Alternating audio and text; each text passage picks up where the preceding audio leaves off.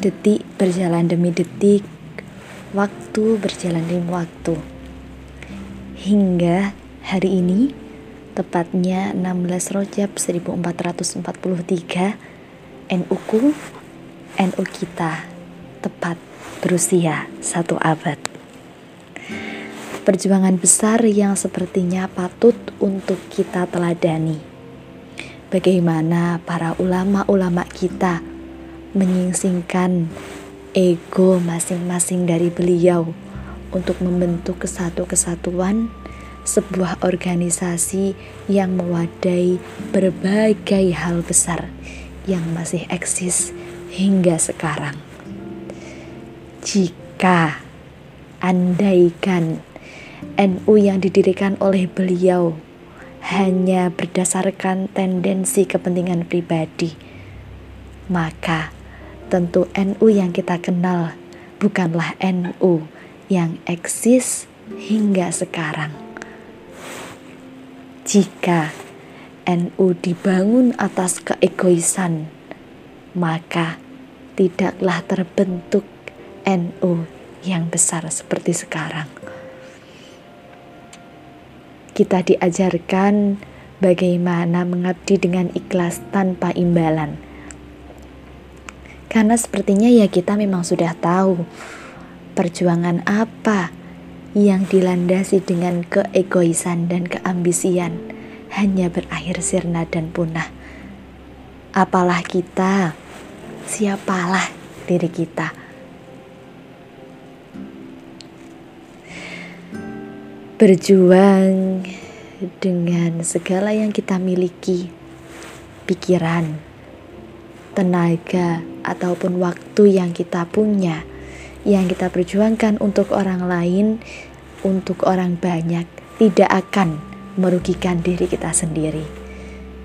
Tidak akan.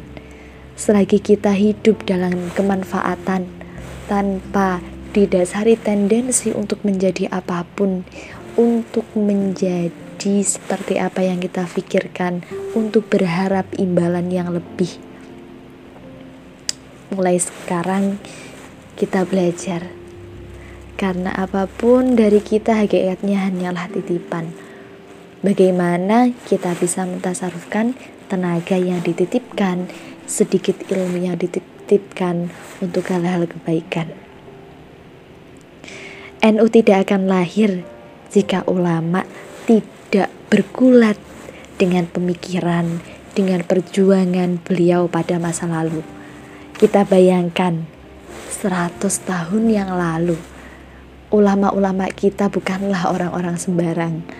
Buktinya beliau mampu membentuk, mengorganisasikan dari berbagai pikiran, dengan berbagai tenaga orang-orang yang berbeda bagaimana disatukan dalam sebuah organisasi yang hari ini kita masih bisa hidup di dalamnya dengan ulama-ulama besar yang lahir dan juga orang-orang hebat yang ada di dalam tubuh Nahdlatul Ulama. Jika tanpa ada rasa cinta yang tulus, perjuangan yang tulus, saya yakin bahwasanya NU tidak akan eksis seperti saat ini. Bersama-sama kita sebagai kader-kader Nahdlatul Ulama hidup dengan keteladanan beliau-beliau berjuang dengan ikhlas tanpa pamrih. Kadang itu yang sulit karena kita masih mengenal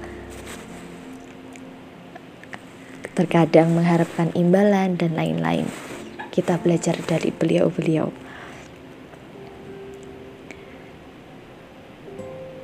Jika ulama kita pada zaman dulu sudah mempunyai semangat yang membara, maka kita sebagai generasinya tidak tidak sepatutnya untuk mengalami kemunduran dalam berdakwah, dalam berjuang. Jika sekarang kita pelajar, maka jadilah pelajar yang baik.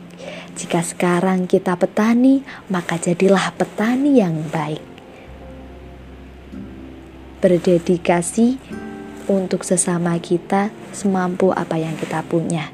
Semoga jalan hidup kita selalu diberkahi dan diridhoi oleh Allah dengan derek para ulama, derek para yai sepuh. Semoga hidup kita hasanah, maslahah, fit dini, wa dunya hatal akhirah. Selamat satu abad Nahdlatul Ulamaku. Semoga jaya selalu. Amin amin ya robbal alamin.